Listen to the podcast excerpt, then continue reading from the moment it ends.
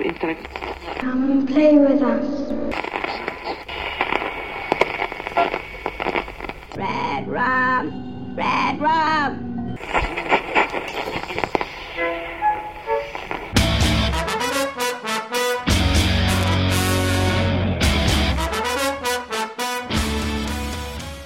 Witam Was bardzo serdecznie w 39. odcinku podcastu Radio SK i w ósmej audycji z serii Wiadomości z Martwej Strefy, którą po raz ostatni podsumowuje fragment 2011 roku. Ponownie udało nam się zamknąć rok zjazdem sylwestrowym, a że po imprezie gardło nadal mi troszeczkę nie domaga, no to na rozruszenie zaśpiewajmy.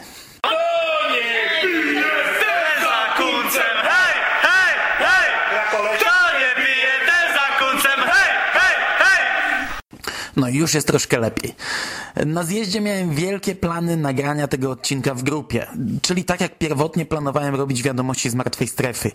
Mm, Nie suche relacje i nudne monologi, a luźne rozmowy przy piwie, niekoniecznie z jakimś ogromnym przygotowaniem, a zwyczajnie ze zwykłą orientacją w temacie.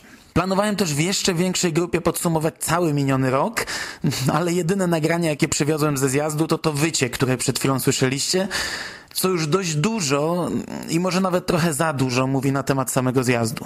Tak czy inaczej, znów samodzielnie muszę bawić się w relacjonowanie newsów, a trzeba przyznać, że grudzień dostarczył kilka naprawdę ciekawych wydarzeń i informacji i choć miesiąc upłynął pod szyldem filmowego worka kości, to ja swoje podsumowanie zacznę standardowo, czyli od wiadomości książkowych. Z twoim odtwarzaczem nic się nie dzieje. Nie staraj się podgłaśniać ani ściszać. Przewieź do przodu ani w tył. Bowiem za chwilę wkroczysz do teatru wyobraźni, w którym poczujesz tchnienie grozy.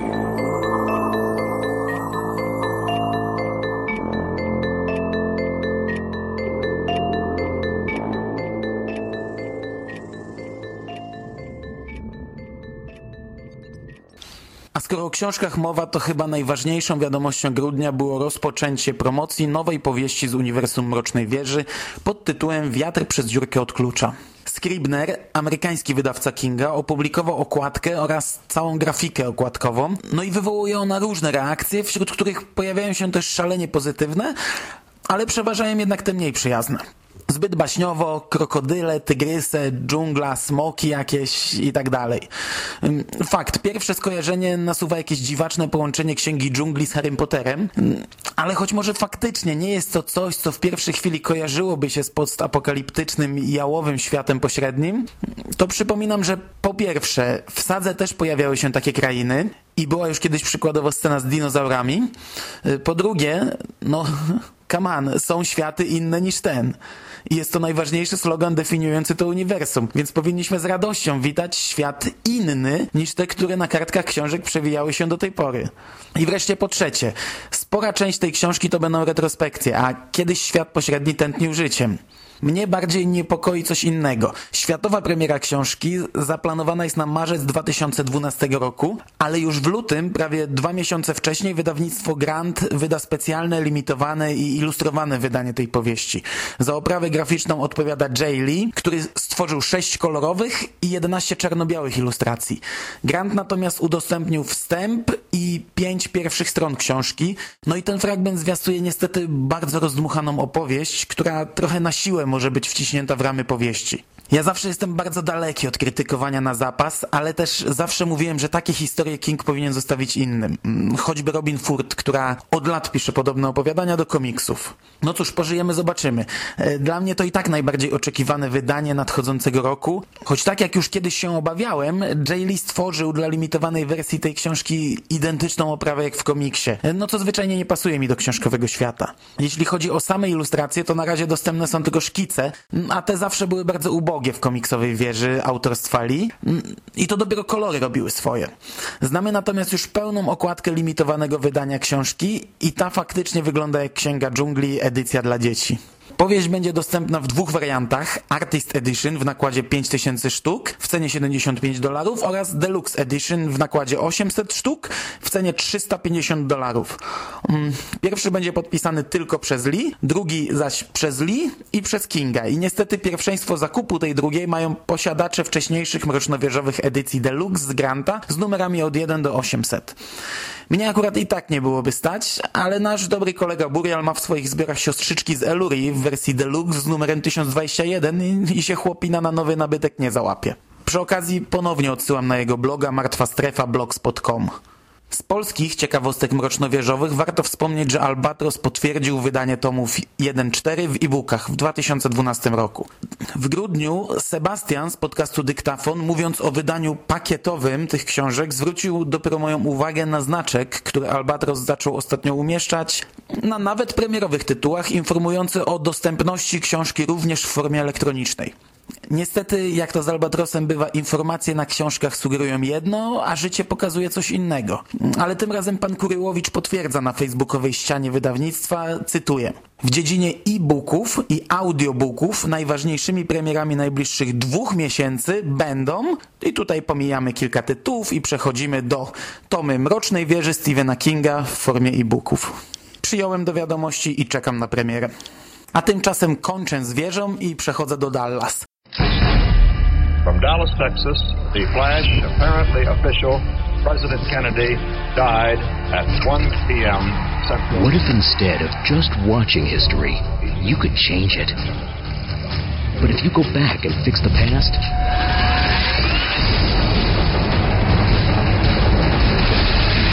better make sure you don't break the future. Stephen King, 112263. A tutaj czekała nas bardzo ciekawa informacja, o której nie wiedzieliśmy jeszcze nagrywając audycję na temat tej powieści. Okazało się, że ponownie diabeł tkwi w szczegółach i czasem drobiazg brakujący w polskim wydaniu potrafi konkretnie zdenerwować. W posłowiu do powieści Dallas 63 King, dziękując różnym osobom za pomoc przy pisaniu tej książki, napisał też, że jego syn Joe Hill wymyślił nowe, lepsze zakończenie.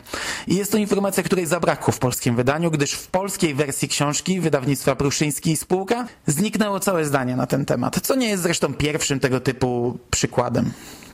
Okazuje się, że to Joe Hill podpowiedział ojcu cały epilog, którego nie mam zamiaru tutaj zdradzać, ale zaznaczyć trzeba, że jest to fragment bardzo pozytywnie oceniany i mocno wpływający na obraz i ogólne wrażenia płynące z lektury całej książki. Na prośbę fanów moderatorka oficjalnej strony pisarza zwróciła się do niego o szczegóły i możliwość udostępnienia pierwotnego zakończenia, które pojawi się na oficjalnej stronie Kinga, ale nie prędzej niż w styczniu. King chce dać jeszcze czas tym, którzy nie przeczytali książki.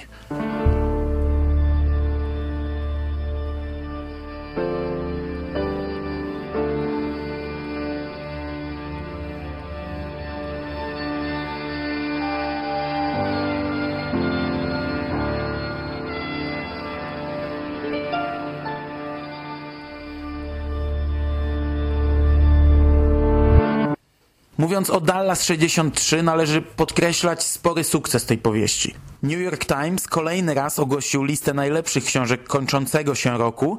W top 10 za rok 2011 po raz pierwszy znalazł się Stephen King z tą właśnie powieścią. Dodatkowo Dallas 63 okazało się być w Stanach najpopularniejszą książką Stephena Kinga od czasu Worka Kości, wydanego w 1998 roku. Zadebiutowała ona jak większość książek tego autora na pierwszym miejscu listy bestsellerów New York Timesa, jednak w odróżnieniu od innych jego tytułów nie zaczęła szybko spadać w dół listy, a po trzech kolejnych tygodniach, gdzie notowana była na drugiej pozycji za sprawą silnych premier, w piątym notowaniu wskoczyła ponownie na najwyższą pozycję, na której pozostaje do dzisiejszego dnia. Jest to w chwili obecnej najdłużej utrzymująca się na pierwszej pozycji książka Kinga od czasów Dolores Claiborne, która ukazała się na przełomie 1992 i 1993 roku. Ja ze swojej strony jeszcze raz bardzo, bardzo polecam. Na oficjalnej stronie Stephena Kinga ukazał się bardzo fajny filmik reklamujący wydanie audio powieści Dallas 63, który przedstawia wnętrze restauracji Ala znanej z książki, a towarzyszy temu głos lektora. Na filmiku standardowo nie zabrakło nawiązań i w restauracji Ala oczywiście pojawia się automat z nozalą, który od wielu lat pojawia się wszędzie, gdzie tylko można go umieścić. Al's Diner was housed in a silver trailer across the tracks from Main Street. In the shadow of the old Warumbo mill. I went up the paved walk, up the steps, then paused, frowning. The sign reading Welcome to Al's Diner, home of the Fat Burger, was gone. In its place was a square of cardboard reading closed and will not reopen due to illness. Thank you for your business over the years and God bless. The diner was dark and cool and empty. Jako ciekawostkę można też podać, że od 12 stycznia w internecie będzie dostępny do ściągnięcia audiobook 81 mili, który czyta Tomasz Sadowski. Dodatkowo razem z nim dostępne będzie kolejne nowe opowiadanie Stephena Kinga The Dune, czytane przez Edwarda Hermana, a bonusowo dostaniemy w pakiecie także fragment powieści Dallas 63. I to na razie tyle na temat najnowszej książki Kinga. There you go. You found it, buddy. But what had I found? I took another step forward and went down another step. The dark field inside my eyelids turned red, and there was warmth on my skin. It was sunlight. I was no longer in the pantry. I was no longer in Al's diner either. I turned around to look at the big silver trailer which housed Al's diner, but the diner was gone. Where it should have been was the vast Dickensian bulk of Warumba mills and weaving, and it was in full operation. W maju natomiast zapowiadaliśmy premierę specjalnego wydania powieści To z okazji 25-lecia tej książki. Wraz z kolegą Grześkiem mówiliśmy też o niej sporo w odcinku poświęconym powieści To. Wydawnictwo Cemetery Dance przygotowało ilustrowaną wersję książki, która zawierać będzie nowe posłowie Stephena Kinga. W grudniu w internecie pojawiły się pierwsze zdjęcia tego wydania, no i trzeba przyznać, że tak jak nie jestem jakimś specjalnym fanem rysownika mm, i nie jestem też zachwycony grafiką okładkową, tak samo wydanie no czapki z głów. Piękna książka.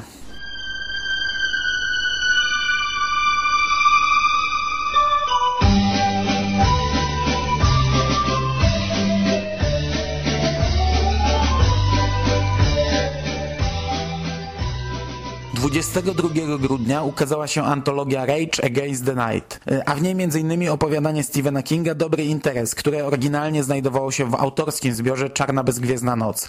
Na chwilę obecną antologię można kupić tylko w wersji elektronicznej w cenie 6 dolarów 89, ale w styczniu ukaże się tradycyjna wersja papierowa. Książka jest o tyle wyjątkowa, że jej całkowity zysk zostanie przeznaczony na cel charytatywny. Jeden z autorów, których teksty znalazły się w antologii to Rocky Wood, wielki fan Kinga, kolekcjoner, a także autor kilku bardzo pozytywnie ocenianych książek o Kingu. W minionym roku u Rockiego wykryto nowotwór i od tego czasu autor wyprzedaje swoje memorabilia związane z Kingiem w celu uzbierania pieniędzy na leczenie. Zysk ze sprzedaży antologii także zasili ten budżet. Osobiście nie orientuję się zbyt dokładnie, co to za choroba i czemu tyle pieniędzy potrzeba na leczenie i aż na tak desperackie kroki trzeba się decydować, ale takie akcje lubię, bo to po pierwsze doskonała promocja elektronicznego czytelnictwa, a po drugie forma dająca naprawdę możliwość uzbierania większej sumy na takie cele. He's rich and you're knocking on through life on 60,000 a year. He's as strong as a horse. He does not have cancer. W internecie pojawiła się nieoficjalna i niepotwierdzona jak na razie informacja, że wstępną datą premiery powieści Dr. Sleep, określanej kontynuacją lśnienia, jest sierpień 2012 roku. Osobiście nie przypominam sobie, by kiedyś King został wydany w tym terminie, więc na razie bym się nie przywiązywał do tej informacji. Moderatorka oficjalnej strony Stephena Kinga poinformowała natomiast, że pisarz ma pomysł na nową powieść, którą zamierza zacząć pisać w styczniu i że napisał też kolejne opowiadanie.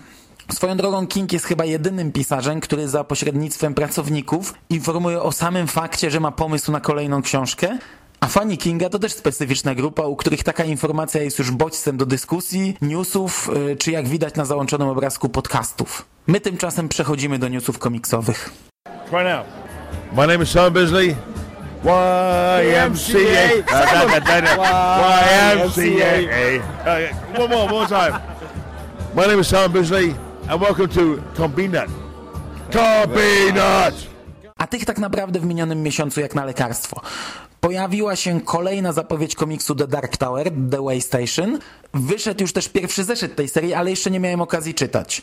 Nadal nie pojawiła się natomiast żadna informacja na temat ewentualnego zastąpienia Bastionu inną długoterminową serią, a Bastion jest już na ostatniej prostej i w zasadzie na dniach przyjdzie nam się pożegnać z tym projektem.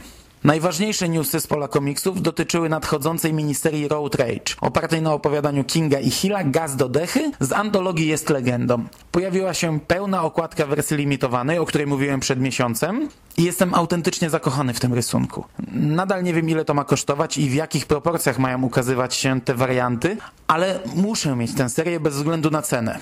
Rysunek przedstawia Kinga i Hilla na motorach yy, i prezentuje się przecudownie.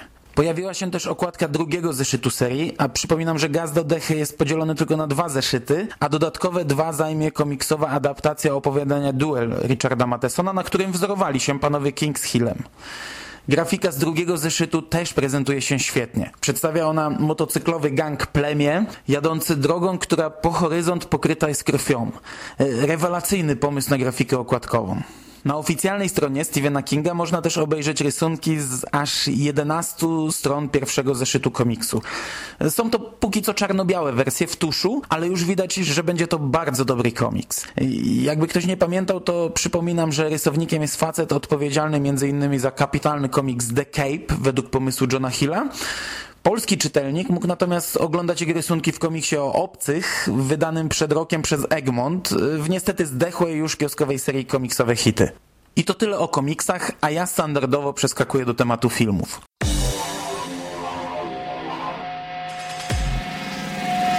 Sebastian Budziński wita i zaprasza na Dyktafon Podcast Show.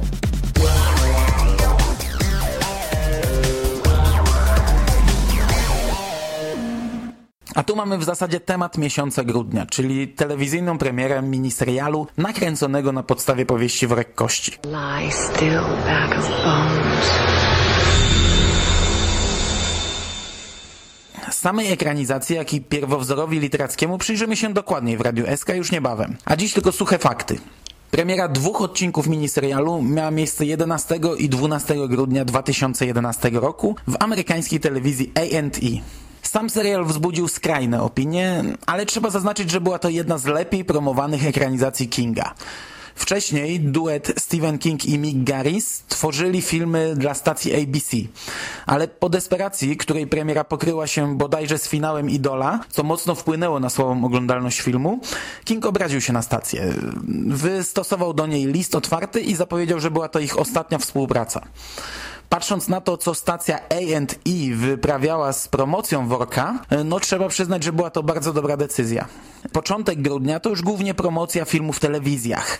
W zasadzie codziennie pojawiał się jakiś materiał filmowy, na którym ktoś z autorów, czy też sam reżyser opowiadali o filmie. Did you meet Stephen King when you were there? No, he didn't come over. We shot it up in Halifax, Nova Scotia, and uh, he's in Maine. He never made it over. Was this like Called him up, but he couldn't like make it 20 over. miles away or something, isn't it? Tis true.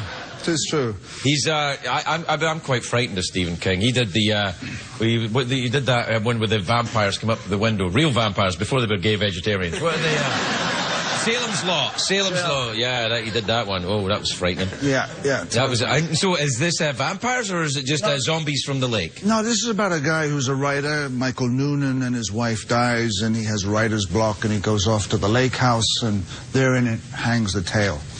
Oh So man, it's, um, it's bad, bad, bad. Cracking happens. Bad Cracking. Pierwsza połowa grudnia zamykała tak zwaną kingową jesień, jak nazwaliśmy okres minionych paru miesięcy, w którym nasiliły się premiery i ważne wznowienia kingów. I choć kończył się naprawdę świetny okres, no to był to finał z pompą. Na początku grudnia po prostu żyło się tą ekranizacją. W ramach promocji miniserialu Worek Kości pojawiła się też inna bardzo ciekawa rzecz. W serwisie iTunes można było zakupić płytkę Sary Tidwell z zaginionymi nagraniami z Worka Kości. Płyta zawierała sześć utworów, które aktorka Anika Noni Rose, wcielająca się w postać Sary Tidwell, wykonuje w ekranizacji Worek Kości. Premiera miała miejsce w dniu ukazania się pierwszego odcinka miniserialu, czyli 11 grudnia, a koszt pobrania tych utworów to 4,99. Bartender told her that Johnny was making love to Fly. He was a man. He was doing her. Mm, co ciekawe, cztery z sześciu utworów dostępnych na płycie pojawiły się dość szybko na oficjalnej stronie stacji. She didn't go there.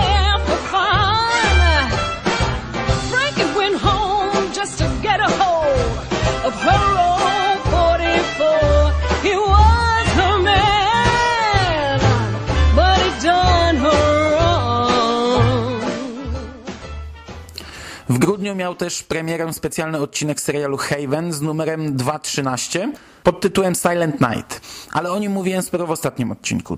Tutaj mogę dać tylko małe sprostowanie, o którym już pisałem w komentarzach pod poprzednią audycją. Po pierwsze, w Polsce dopiero przed tygodniem zakończyła się emisja drugiego sezonu. Po drugie, odcinek świąteczny już w Polsce leciał. I to jest dość ciekawe zjawisko, bo w naszej numeracji był to ósmy odcinek drugiej serii, a w związku z tym polska telewizja dała ten epizod przed premierą amerykańską. I to jest fakt godny podkreślenia, nawet jeśli stało się to przypadkiem. Byliśmy pierwsi na świecie.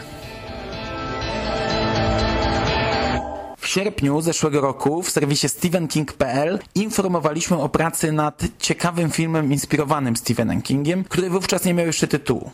Dla przypomnienia, pisaliśmy wtedy. Monroe Man, który mieszka w Bangor, mieście Stephena Kinga i jest jego fanem, tworzy właśnie film inspirowany twórczością pisarza. Scenarzysta i producent w jednym tak opowiada o swoim projekcie. Jest to historia o wielu ludziach, którzy giną. Zostają zamordowani w taki sam sposób, w jaki zginęły postacie z książek Stephena Kinga. Miejscem, w którym rozgrywać będzie się akcja filmu jest wymyślone miasteczko Incomia. Słowo to oznacza oddanie hołdu wspaniałej osobie. I tym właśnie w zamyśle autora ma być ów film. Hołdem złożonym Kingowi. Pisarz chyba jednak nie do końca docenia ów wyraz uznania, gdyż reżyser przyznał, że spotkał Stevena w sklepie i zapytał, czy wie on, że właśnie ktoś robi o nim film. King przyznał, że tak, ale nie jest z tego powodu szczególnie zadowolony. W grudniu poznaliśmy tytuł tej produkcji, który brzmi You Can't Kill Stephen King. W internecie dostępny jest już trailer oraz plakat filmu. Semi-inspired by the disturbed mind of best-selling author Stephen King comes a movie that has it all. Fake blood, hot babes, babes on babes, fog, more fog, Who's there? creepy twins, low-budget gratuitous violence, high school drama. What happened is your boyfriend was making out with a girl that I was gonna marry. Oh, give me a break. The Token Black Man. And of course, cheesy Stephen King references. There's Ronnie. This summer, horror is king. Don't you think two of our friends dying qualifies us for serious danger? Not just serious danger. Stephen King danger. You can't kill Stephen King. Soul Fifth. Na koniec dwie ciekawostki.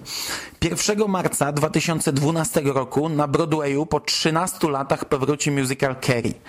Za sztukę odpowiedzialny jest Lawrence D. Cohen, ten sam, który adaptował powieść Kinga na potrzeby filmu Briana De Palmy. Reżyserem jest Stanford Arima, muzykę skomponował Michael Gore, a teksty napisał Dean Pitchford. W rolę tytułową wcieli się Molly Ranson, a jej matki Marin Mazzi.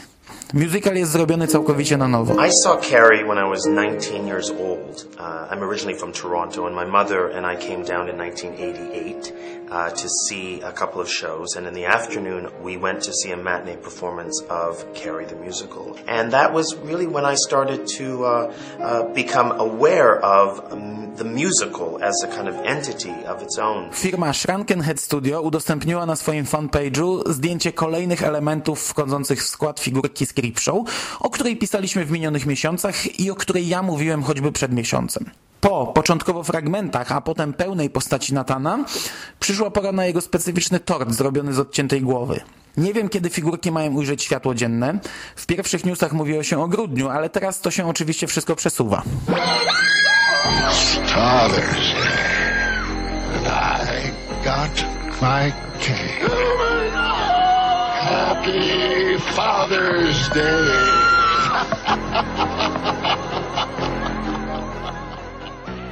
Aleksander Aża, twórca m.in. Bladego Strachu i nowej wersji Wzgórza mają oczy, ma wyreżyserować ekranizację Rogów Hilla, czyli przegenialnej książki.